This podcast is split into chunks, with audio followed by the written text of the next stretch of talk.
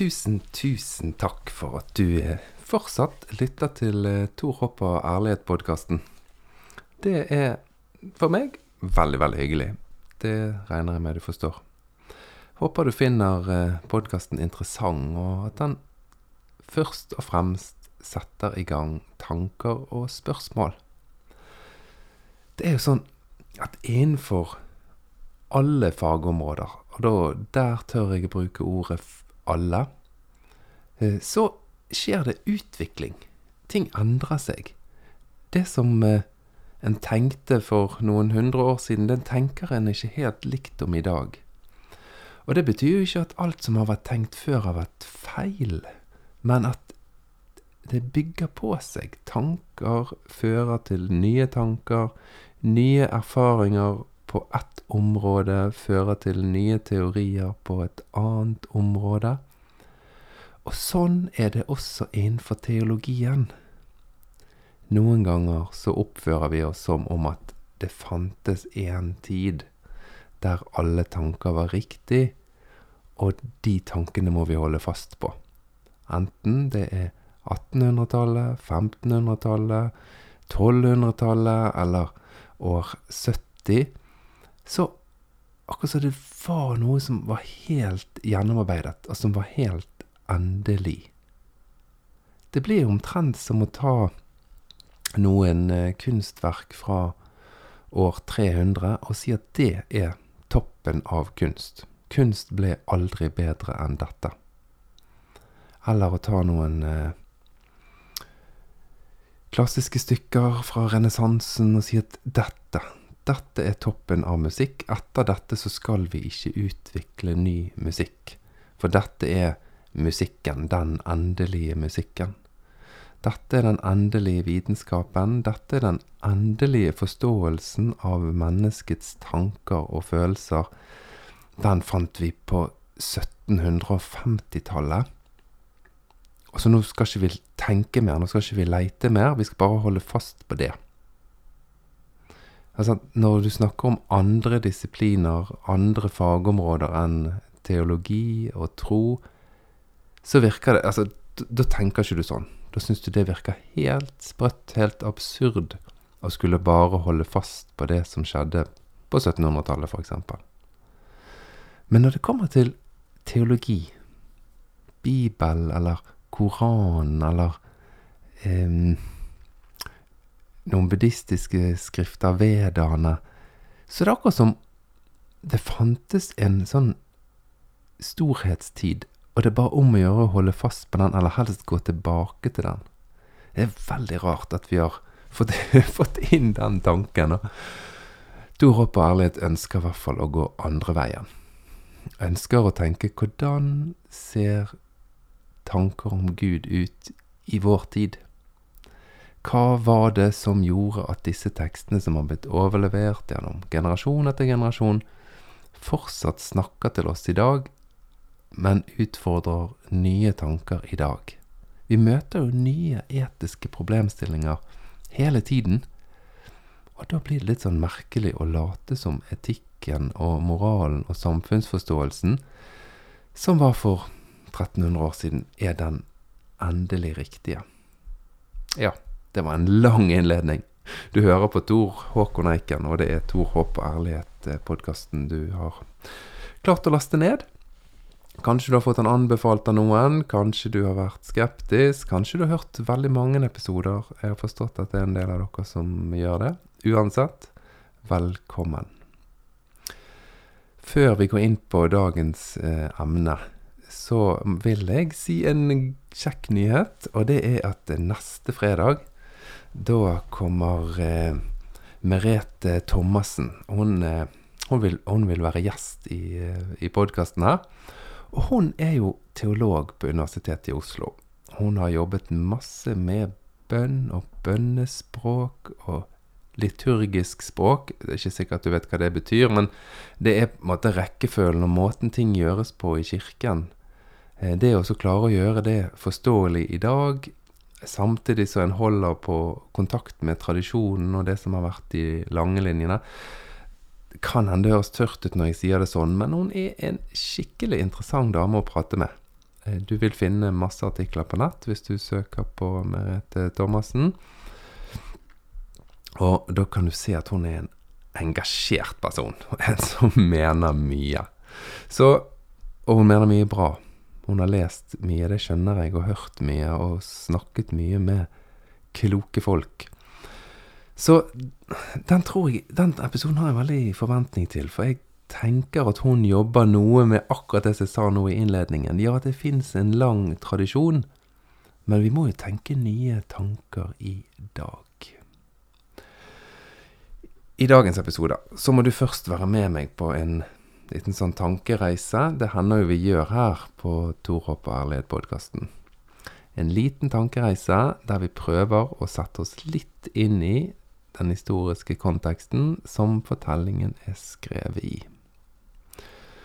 Da puster vi dypt sammen. Pust inn, og pust ut. Jeg har en kone, grytidlig oppe, så når du hører denne podkasten, så er hun ferdig med sin eh, tøye- og trimmeøvelse fra denne morgenen. Og hun sier til meg, når jeg nå er litt oppgavet og har så mange tanker jeg har lyst til å putte inn i denne podkasten Pust med magen. Pust dypt noen ganger, og slapp av. Så går du i gang. Ja. Så nå har vi gjort det, gjort det sammen. Kjenner du at pusten eh, resetter deg litt, sånn at du er klar for å tenke? Jeg har veldig lyst, nemlig, at, at du er, med meg på dette, denne tankereisen. Um, ikke fordi at det jeg skal si er så utrolig unikt og spesielt, men det er For her er det noen lag i det jeg sier som jeg ikke helt klarer å sette nøyaktige ord på. Det er noen sånne tanker som jeg håper at du kan mm, gripe fatt i og jobbe videre med sjøl i dine egne tanker. Det er bare noen sånne begynnende tanker jeg kommer til å dele i dag. Skjønner du hva jeg mener med det? Du, du vet noen ganger du har det sånn at det liksom Det koker litt på innsiden. Du går med en en tanke som du jobber med over tid, en tekst kanskje som du har lest, og som du lurer på. Og så er det akkurat som du kryper litt av den, men ikke hele. Du kryper ikke hele tanken, men noe av den, og så kjenner du at her fins det veldig mye mer. Sånn er denne her. Denne episoden er sånn. Først av alt så må du være med på en, som sagt, en tankereise. Prøv å se for deg at du lever rundt begynnelsen av vår tidsregning. Det er et bilde av gudene som sier at de folkene det går bra med, de som vinner krigene, de har gudene på sin side. De som har gode avlinger og som har blitt rik, det har de fått fordi at de dyrker gudene på riktig måte, sånn at gudene blir fornøyd. I tillegg så lever du kanskje da i eh, utkanten av eh, Roma, eller kanskje du lever i Egypt, eller kanskje du lever i et av de andre landene rundt Middelhavet der som det romerske riket har klart å skape en fred. Du har sett at det romerske riket, keiseren og hans hær, har knust ned pirataktiviteten som var på Middelhavet, sånn at handelsveiene har blitt åpnet opp. Handelen østover i retning India, den går som bare det. Det er en stor økonomisk vekst. Og det er en stund siden det har vært krig. Sånne, sånne store kriger er det en stund siden. Områdene som du lever i, eh, de har vært herjet av krig og opprør veldig lenge. Men nå har det vært fred en stund. Og keiseren, han har forklart det at når hans far døde, så for han opp til himmelen. Det var derfor det viste seg en eh, komet på himmelen når, når han sjøl, den som nå er keiser, arrangerte et sånn eh, hesteløp til minne for sin pappa. Den kometen som viste seg på himmelen da, det var hans far som steg opp til himmelen.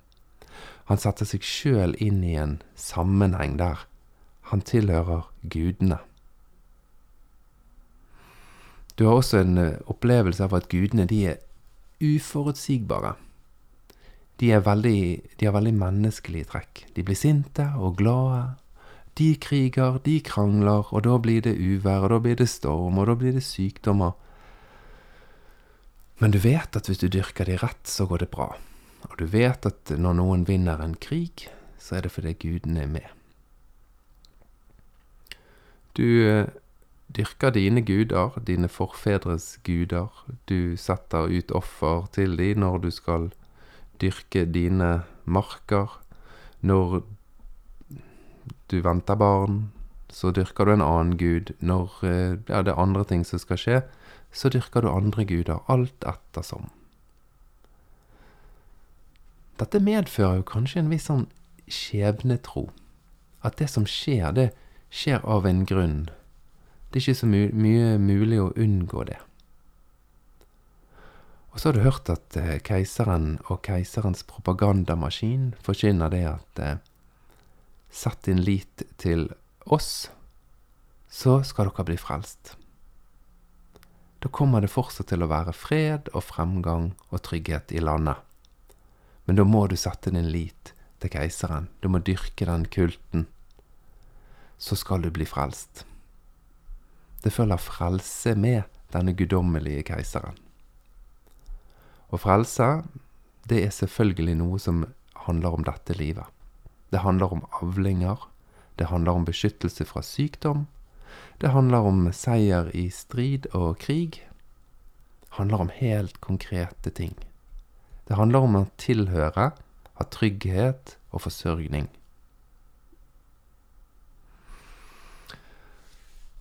midt i denne tiden, i denne tradisjonen her, så er det noen mennesker som blir tatt til fange. De blir gjort til evnukker. De unge menneskene, de unge mennene, de blir skamskjært. Altså, hele kjønnsorganet blir skjært vekk, og de blir gjort til evnukker. Tjenere på hoffet i ulike kongedømmer. Småkonger, store konger, har evnukker ved sine palasser. Vi skal møte en sånn person i dag. Og jeg vet at noen av disse tankene høres helt sånn håpløse ut, og du kan ikke skjønne hvordan noen kunne tenke sånn. Men jeg vil bare sånn at du skal være klar over det at det ikke er så fryktelig lenge å gå 2000 år tilbake. Det at eh, noen politikere tilbyr frelse, det er ikke så nytt. Det at noen politikere skremmer med at hvis ikke du stemmer på meg, hvis ikke du setter din lit til meg, så kommer det til å gå skikkelig ille. Ja, er den tanken helt noe vi har reist helt fra? Eller er det noen Altså, nå skal du sikkert stemme på mandag, eller kanskje du har stemt, eller kanskje du hører denne podkasten etter valget er ferdig. Men har du hørt noen politikere i denne valgkampen som forklarer deg at hvis du ikke stemmer på de, så kommer det til å gå skikkelig gale. Enten går det så gale at Norge blir oversvømmet av innvandrere, og bare hele kulturen blir ødelagt. Eller kanskje du har hørt at hvis ikke du stemmer på meg, så vil hele jorden bare rett og slett bli så varm at det ikke går an å leve her lenger. Eller noe andre skremselspropaganda. Stemmer du på oss, så kommer det frelse. Og hvis ikke det stemmer på oss, så kommer det et helvete. Du ser, vi mennesker er mennesker fortsatt. Så selv om noen av tankene som jeg nettopp nevnte på denne lille sånn tidsreisen vår, er utgåtte tanker, så ser du at en god del av følelsene og følelsesregisteret vårt er veldig likt. Politikere skremmer oss, og de lover frelse og vi setter vår lit til pastorer og organisasjonsledere og prester og filosofer, vitenskapsfolk. Det fins noen over oss som lover oss himmel, bare vi tror på de. Men midt i dette her samfunnet som vi var innom for en liten stund siden, der herskerne hersker over sine folk med makt. Der en tar familier, slekter, hele byer, hele landsbyer, hele befolkninga til fange, og gjør de unge mennene til evenukker. Og trener de opp i andre kulturer og andre forståelser. Ja, midt i dette så vokser det frem en tanke i noen jødiske miljøer. En tanke som sier det at nei, det er ikke sånn at gudene straffer. Det er ikke sånn. Det er ikke sånn at, eh, at det går bra med folk bare fordi at eh, de gjør det som er rett.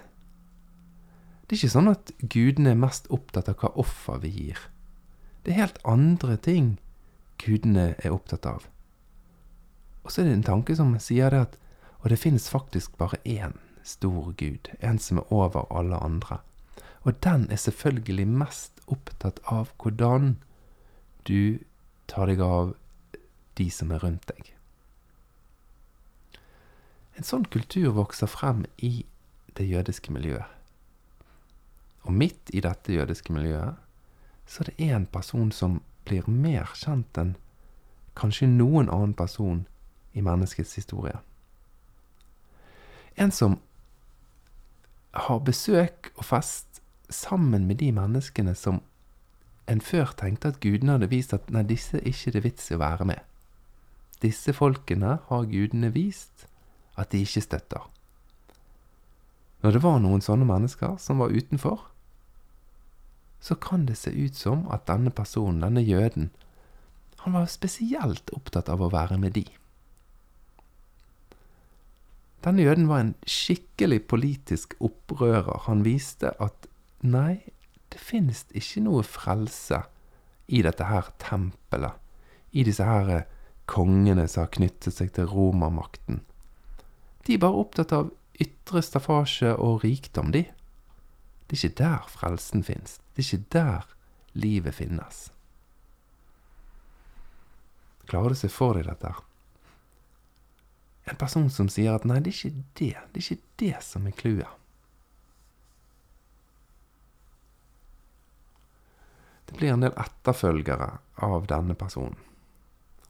Og når du leser en bok i eh, Bibelen som heter Apostlenes gjerninger, så driver forfatteren der og prøver å gi et bilde av hvordan det var med disse første menneskene som sa at de trodde at denne personen hadde vist oss hva gudene, eller Gud, egentlig vil. De trodde på at det var én Gud, og at den guden viste sin vilje gjennom denne ene jøden, og viste hvordan Gud var. Og når denne forfatteren prøver å gjengi dette, så skriver han noe sånn som dette. Alle de troende holdt sammen og hadde alt felles. De solgte eiendommene sine og det de ellers eide, og delte ut til alle, ettersom hver enkelt trengte det. Hver dag holdt de trofast sammen på tempelplassen, og hjemmene brøt de brødet og spiste sammen med oppriktighet og hjertelig glede. De sang og lovpriste Gud og var godt likt av hele folket. Og hver dag la Herren til nye som lot seg frelse. Dette var en organisasjon som var et skikkelig opprør mot den bestående makten. Et opprør mot keisermakten som sa det at det, det fins ikke frelse i noe annet navn enn keiseren. Det er keiseren som forsørger dere. Det er keiseren som holder freden. Det er keiseren som gjør at dere kan leve i trygghet. Og så sa disse etterfølgerne av denne her jøden som hadde vært veldig annerledes, de sa det at det fins ikke frelse, det i noen annet navn enn Jesus. Det er etterfølgelse av Han, altså det er i fellesskapet som er stått, oppstått etter Han. Det er der livet finnes. Det er et skikkelig, skikkelig opprør mot keisermakten. Nå når du leste, jeg leste dette her eh, lille stykket her om der han der han, eh, forfatteren her av Apostlenes gjerninger prøver å beskrive hva de første kristne prioriterte, så, så har jeg litt sånn følelse av at mm, jeg tror kanskje du overdriver litt. At det er litt sånn Å, litt tilbake i tid. I, I, begynnelsen, da var alt så bra. Alle var så overgitt, og alle møttes hver dag. Og har du noen gang snakket med noen som har vært med å starte opp en, eh, en eller annen organisasjon, eller en Kanskje et kommunistisk opprør, eller noe sånt. Hvordan de snakker om den første tiden. Jeg føler det er litt sånn, at han tar litt av her, da. Han skriver annet at de møttes hver dag på Tempelplassen. Samtidig som han skriver at det er tusenvis av mennesker som er kommet til tro.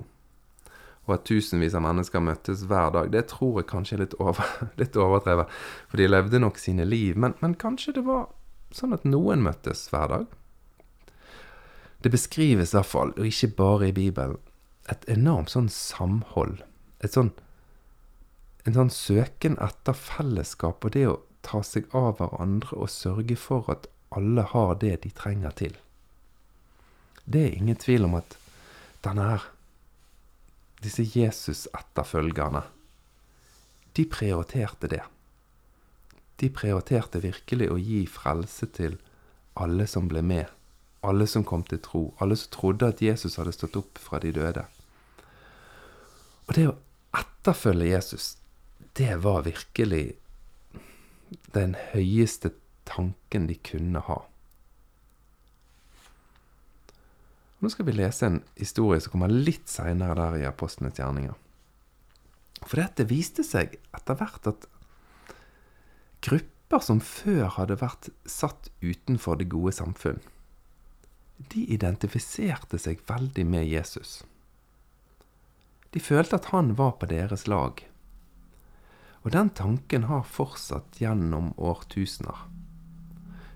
Nå tenker du kanskje ja, men denne Jesus-etterfølgelsesgruppen de ble sjøl en sånn maktstruktur som sa at det finnes ikke frelse hvis ikke du er med i vår organisasjon og klan og betaler penger osv. Og, så videre, og så ble det en sånn keiserlig maktstruktur. Ja, men i dag har jeg lyst til å minne på at det til alle tider har vært sånne utenforgrupper som plutselig har begynt å identifisere seg med denne jøden. Med denne Jesus. Og det er alt fra kvinner som har vært veldig undertrykt. Så oppstår det tanker som gjør at kvinner identifiserer seg med Bibelens Jesus og alle disse bildene og metaforene i Bibelen som fremstiller Gud som en kvinne en fødende kvinne, eller en kvinne som leter etter mynter, eller Altså alle disse metaforene som viser at Jesus hadde en kvinnelig side. Som begynte kvinner å identifisere seg med, med Jesus. Og så ga det de en boost i tanken på hvem de var, og at de også hadde rettigheter og verdi. Halvor Moxnes han er jo en mann som har vært eh, på besøk i podkasten her, og som jeg eh, verdsetter veldig. Han skriver om søramerikanske og afrikanske kvinner som utviklet teologi der de begynte å tenke annerledes om dette med basileia, tror jeg det heter. Det er et gresk ord som vanligvis oversettes noe sånn som kongerike eller rike. Og det var det jo keiserne som egentlig forkynte sånt. At deres basileier, deres rike, ga frelse. Men Jesus sa at hans rike, det var helt annerledes. Hadde helt andre prioriteringer. Det var helt andre ting som var viktige. Helt andre funksjoner som var på gang i hans basileia. Men naturlig nok så er det ordet basileia, oversatt med rike. Så sier disse kvinnene, afrikanske og søramerikanske kvinner, ifølge Moxnes da i hans bok 'Historien om Jesus', så sier disse kvinnene at det gir et feil inntrykk. Kongeriket, det er vi så vant med å tenke at det er en voldelig makt. Mer som et sånn romersk herredømmerike. Så istedenfor å oversette det til kingdom, så ville de oversette det til 'kindom'. Kindom. kin i tankegangen familie. Og ikke kjernefamilie, sånn som i vår rike, hvite, kristne arv. Men familie i form av hvem som hører til. Hvem som identifiserer seg med Jesus. Hvem som kan kjenne at de kan få lov til å være med i denne familien. Og The Kingdom of Jesus ble veldig annerledes enn The Kingdom of Jesus. Når kristendommen kom til Norge, så var jo det gjennom konger som var veldig inspirert av The Kingdom of Jesus. Hvis du leser historie, det er jo litt morsomt, du kan le av det nå. Men når de første misjonærene som dro til Norden, fikk med seg eh, misjonsbrev fra paven, så var jo kronargumentet at de skulle si til disse her hedningene som levde i jordhuler og hytter av pinner og torv her oppe i nord, skulle si til de at disse fantastiske byene og bygningene som vi har, de viser jo hvilke Gud som egentlig lever. Rikdommen og makten og bygningene, de skulle overbevise om at det var den kristne guden, den politiske kristne guden, som var den riktige guden. Disse tankene har jo vi med oss ennå i dag, men de er ganske langt unna fortellingene fra evangeliene, altså disse fortellingene om Jesus. De viser en veldig annen Jesus. Og han sier sjøl at nei, mitt rike, det er ikke sånn. Det er ikke sånn mitt rike. I mitt rike, der er det sånn at de som er de store, det er de som er de små. Altså de som virkelig skal være en etterfølger av meg, det er en som er liten. En som passer på andre, og en som passer på at andre har det godt. Og ja, helt andre tanker. Helt opp-ned-tanker. Og så, som sagt, nå skal vi lese litt fra en historie i Apostlenes gjerninger, kapittel 8. Og Det er en litt sånn overnaturlig, rar start på han, men, men ikke tenk så mye på det. En engel fra Herren talte til Philip og sa, Gjør deg klar og dra sørover på veien fra Jerusalem til Gaza. Dette er en øde strekning. Philip gjorde seg i stand og dro av sted. Han fikk se en etiopisk hoffmann, en høy embetsmann som hadde tilsyn med skattkammeret hos Kandake, dronningen i Etiopia. Han hadde vært i Jerusalem for å tilbe. Nå var han på vei hjem og satt i vognen sin og leste fra profeten Jesaja. Da sa ånden til Philip, gå bort til vognen og hold deg tett opp til den. Philip sprang bort, og da han hørte at han leste fra profeten Jesaja, spurte han, Forstår du det du leser? Hoffmannen svarte, Hvordan skal jeg kunne forstå, når ingen forklarer det for meg? Så ba han Philip komme opp i vognen og sette seg ved siden av ham. Nå må vi tilbake igjen. Denne hoffmannen Tradisjonen sier at han er en evnukk. En slekt, en familie, et folkeslag eller en bygd eller en by som er bortført, tatt til fange. Han sjøl har opplevd å bli het, Jeg vet ikke hva det heter, men at kjønnsorganet er skjært vekk i ung alder. Hvis du leser Daniels bok, som også er i Gamle Testamentet, så må du vite at det er veldig sannsynlig at Daniel og hans venner opplevde det samme. At de var evenukker. Da de fikk denne opplæringen i, i kaldeernes skrifter, tror jeg det står, og kultur, så var de måtte tatt ut av sin egen kultur. Og for å hindre deres videreføring av slekt og totalintegrering i den kulturen som de var bortført til, så ble de altså evnukker, tatt ut av familiene sine, revet vekk fra oppveksten sin. Det er en erfaring som ingen av oss kan sette oss inn i. Men snakk om å bli fratatt egen verdi og egen autonomi i livet. Så nå sitter denne her mannen her som har opplevd alt dette, og som nå har en eh, jobb for dronningen i Etiopia. Kongen har vel mest sannsynlig tenkt sånn ja, evenykker skal få lov å jobbe med dronningen og medhustruer og haremet. Men han har altså fått en høy stilling, men han har vært i Jerusalem, for, i tempelet, og nå sitter han og leser en gammel tekst. Og så spør Philip han hva det er han leser, og så leser han dette. Lik en sau som føres bort for å slaktes. Lik et lam som tier når det klippes, åpnet han ikke sin munn. Da han var fornedret, ble dommen over ham opphevet. Hvem kan fortelle om hans ett? For hans liv er tatt bort fra jorden. Hoffmann sa til Philip, Si meg, hvem er det profeten taler om her? Er det om seg selv eller om en annen? Hvem tror du denne hoffmannen tenkte på når han leste denne fortellingen? lik en sau som føres bort for å slaktes, lik et lam som tier når det klippes, åpnet han ikke sin munn. Kan du se for deg en eh, tolv år gammel gutt? Bygden hans er inntatt. Hans hjem er knust og ødelagt. Foreldrene er kanskje drept. Kanskje de er blitt slaver. Han sjøl er dratt inn i hoffet til et fremmed folk, og han vet at nå er det hans tur til å få skjært vekk kjønnsorganene.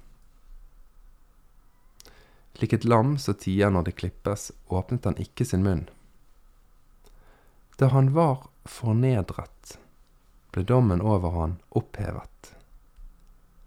Hvem kan fortelle om hans ett, for hans liv er tatt bort fra jorden? Det er noen som har tatt vekk muligheten hans for å lage sitt eget liv. For å etablere sin familie. For å følge sine drømmer. Han er blitt en eiendom. Noen som andre utnytter og styrer. Det er noe med det å identifisere seg med fortellinger som gjør at fortellinger blir levende. Det er jo sånn når du hører en vits eller en historie eller noe som rører deg, så er jo det fordi at du kjenner deg igjen i historien. Men her skriver altså forfatteren av Apostlenes gjerninger at Philip svarte, og han begynte med dette skriftstedet, og forkynte de gode nyhetene om Jesus for ham. Det har jeg mange ganger tenkt på. Hvorfor hadde de ikke podkast på den tiden?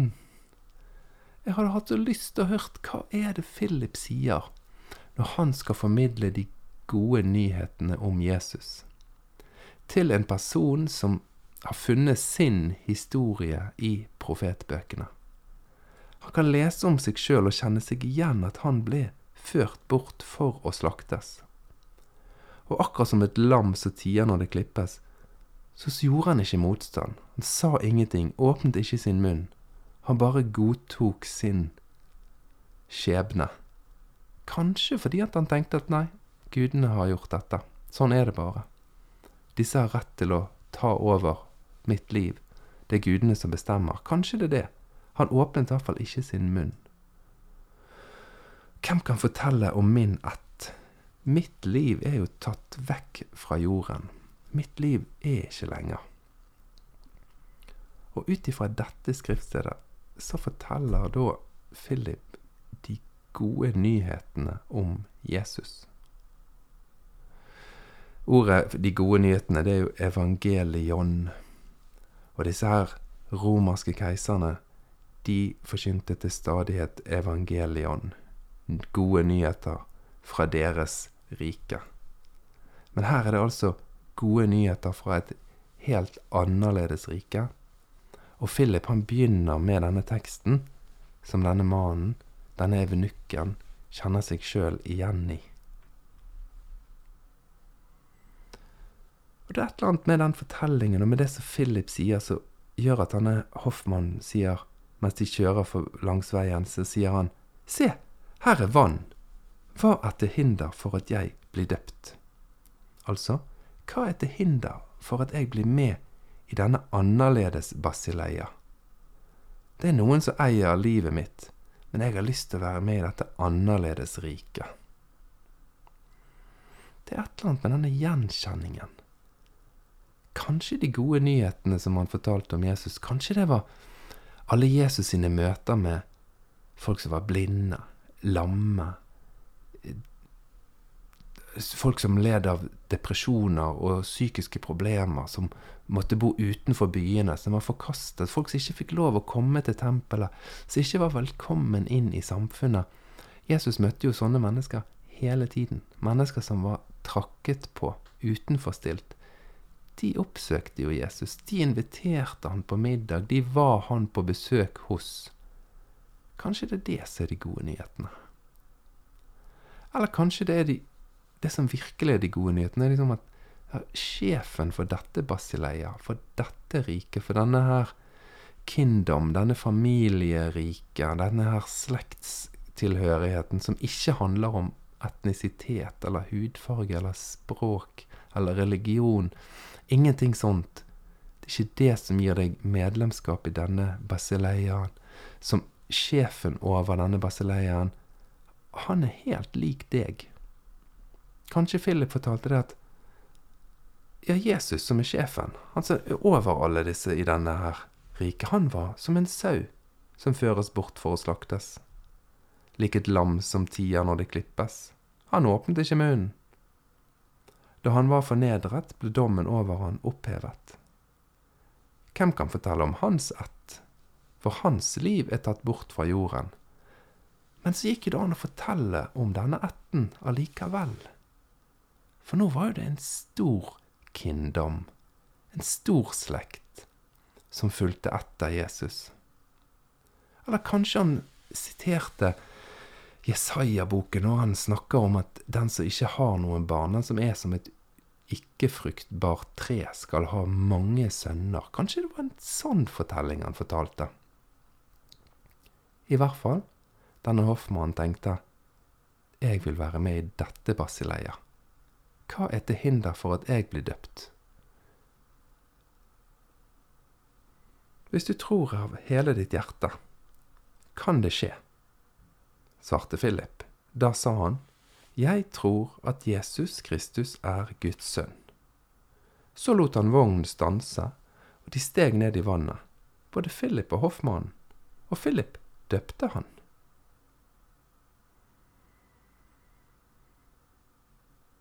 Hoffmann så han ikke, og så forsvant Philip etter det, og Hoffmann så han ikke lenger. Han fortsatte lykkelig videre på sin vei. Og helt til slutt, det tenker jeg veldig ofte på når jeg leser evangeliefortellinger, eller sånn som denne fortellingen i Apostlenes gjerninger. Dette er jo en fortelling om en person som har et helt forferdelig utgangspunkt, iallfall i mine øyne.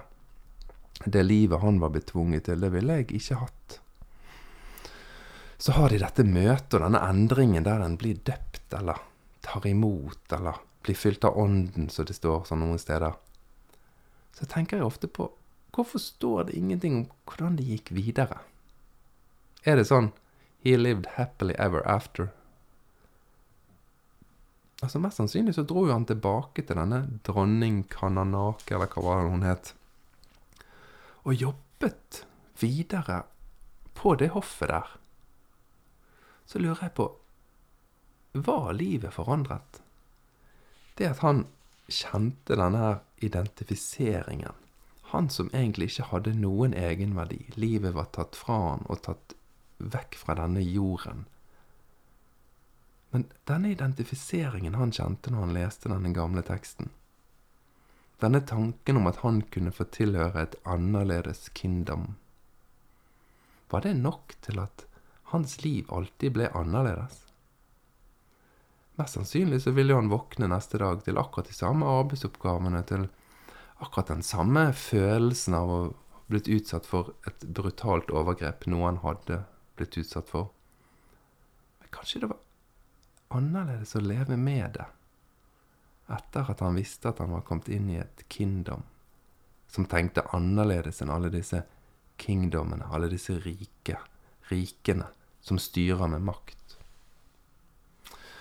Som sagt, dette var en episode som jeg håper på kan være en inspirasjon til å tenke nye tanker om hvordan teologien ser ut i vår tid.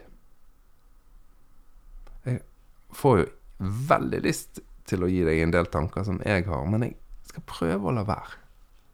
Jo, jeg vet ikke, Nå bare tvinger jeg meg sjøl til å la være. Jeg skal ikke tolke denne fortellingen noe mer.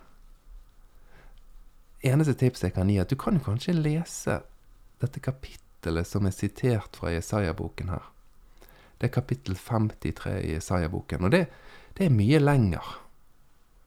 Og det er veldig interessant at forfatteren av apostelens gjerninger her har laget en sånn liten oppsummering av Jesaja 53, og tatt ut de tekstene som handler om det som denne evnukken kunne kjenne seg igjen i, sånn helt og holdent, når han spør hvem er det profeten taler om her? Det er jo nesten som han kunne sagt du, er det meg denne her profeten taler om? Og så tok Philip tak i de tekstene der og så fortalte han de gode nyhetene om Jesus.